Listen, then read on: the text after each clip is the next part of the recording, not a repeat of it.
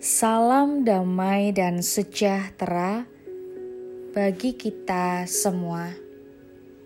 Saudara yang terkasih, hari ini kita akan bersama-sama merenungkan firman Tuhan yang diambil dari Amos 8 ayat 11 dan 12.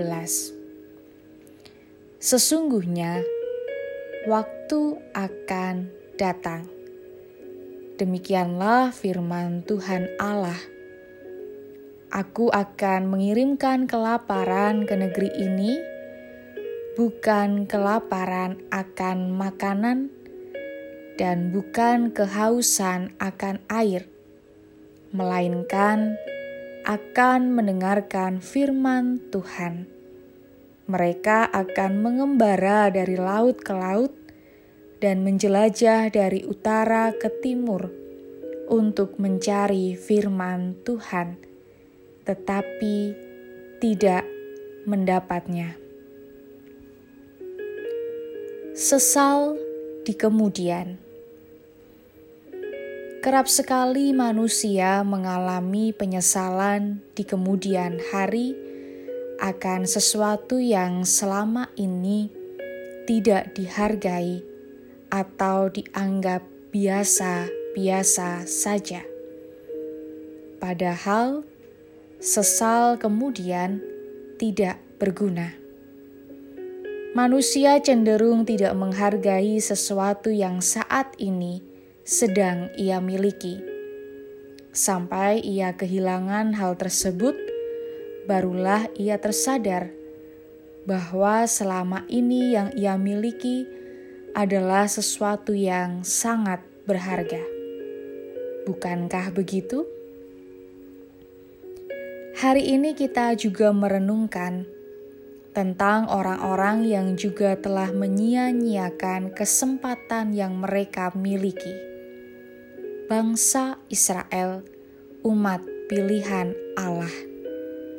Sekian lama Tuhan bersabar atas mereka, tetapi mereka tidak mengindahkan Tuhan. Tampaknya saja mereka beribadah, namun mereka menolak menyelaraskan hidup dengan firman Tuhan.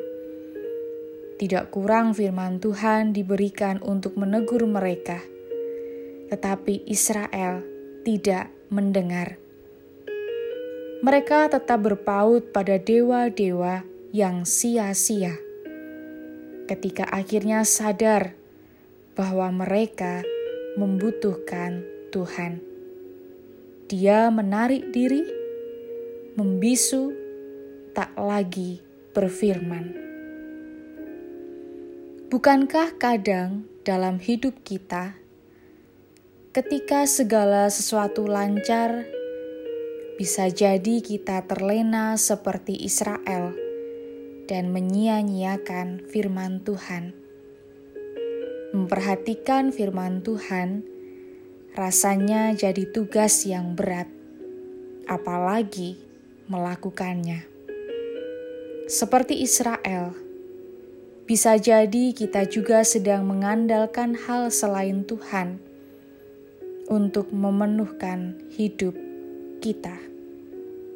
Oleh karena itu, jangan menunggu masa sukar tiba dan sesal kita terlambat, tetapi mohon belas kasihan Tuhan dan perhatikanlah firman-Nya selalu.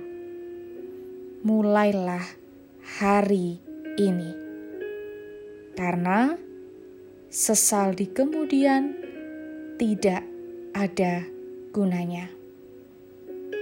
Selamat berefleksi. Tuhan Yesus memberkati.